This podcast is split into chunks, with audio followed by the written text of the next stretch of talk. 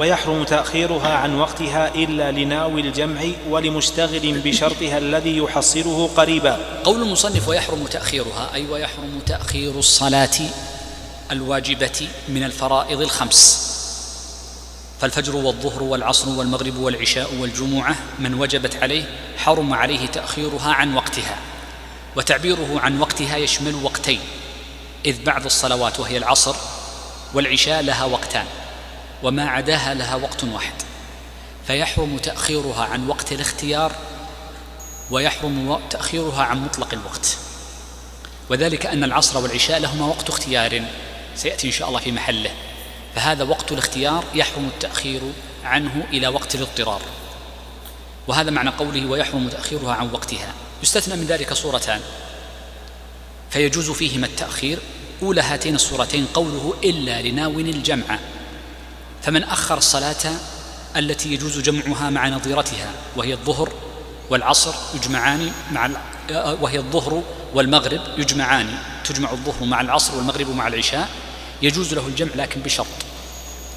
يجوز له الجمع وتأخيره فيكون الجمع جمع تأخير لكن بشرط وهو أن يكون قد نوى الجمع. فليس له أن يؤخر إلا وقد نوى الجمع في وقت الثانية. فلا بد من هذه النية وهو العزم على جمع الصلاة مع نظيرتها في وقت الثانية. وهذا معنى قوله إلا لناوي الجمع. الصورة الثانية المستثناة وهي محل إشكال قوله ولمشتغل بشرطها الذي يحصله قريبا.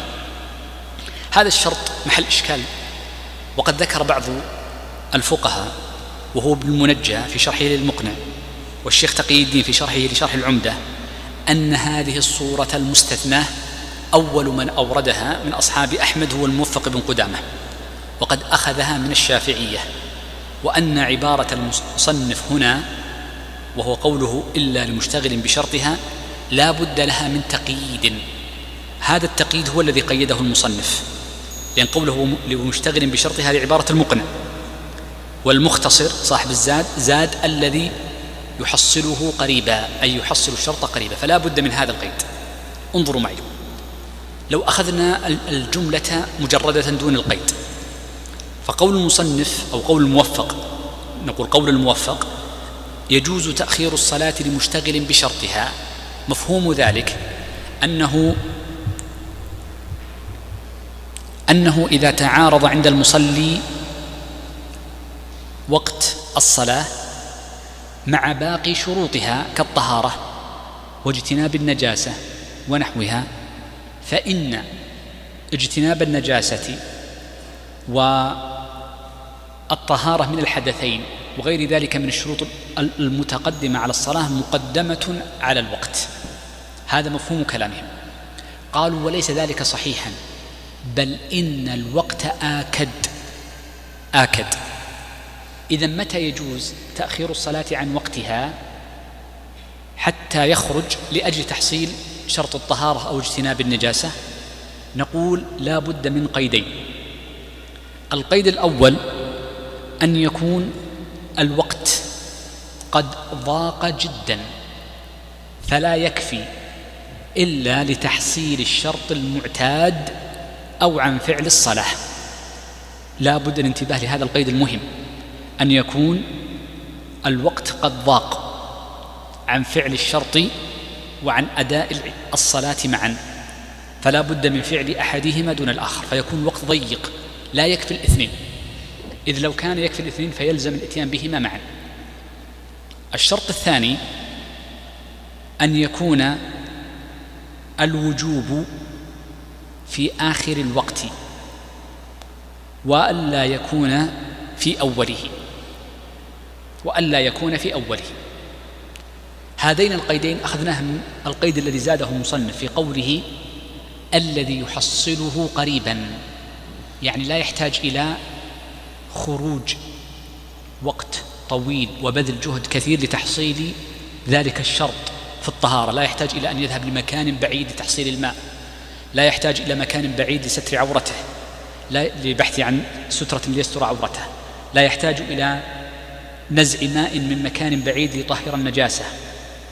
فهو يحصل ذلك الشرط قريبا أي بحسب العادة. والأمر الثاني يكون الوقت قد ضاق عنهما معا. يتصور ذلك في صورة واحدة. إذا كان الشخص قد نام عن الصلاة ولم يستيقظ إلا في آخر الوقت قبل طلوع الشمس بقليل بحيث لم يبق من الوقت إلا ما يكفي للطهارة فقط أو للصلاة فقط ولا يمكن الجمع بين الطهارة والصلاة معا في ذلك الوقت القليل. فهل نقول يجوز له في هذه الحالة أن يؤخر الصلاة عن وقتها لانشغاله بشرطها وشرطها لا يحتاج الزيادة عن المعتاد؟ هذا من جهة. ومن جهة أخرى الوقت الذي أدركه قصير لا يكفي إلا لواحد من الأمرين إما الصلاة أو الشرط. فحينئذ نقول يقدم الشرط على الصلاة فينشغل بشرط الصلاة المعتاد ثم يأتي بالصلاة بعدها مباشرة. فلو أن الشخص استيقظ قبل طلوع الفجر بنحو دقيقتين نقول قم وتوضأ واستر عورتك ثم بعد ذلك صلي. ولا نقول الشخص يصلي بلا وضوء لأنه لم يبق من الوقت إلا شيء يسير فنقول الوقت مقدم. نعم الوقت مقدم إلا في هذه الصورة الوحيدة. أطلت في هذه المسألة على غير العادة لأنها مسألة دقيقة جدا وهي من المسائل المشكلة التي لوازم إطلاق كلام المصنفين فيها تورد إشكالات كثيرة أشرت إليها في أول المسألة نعم.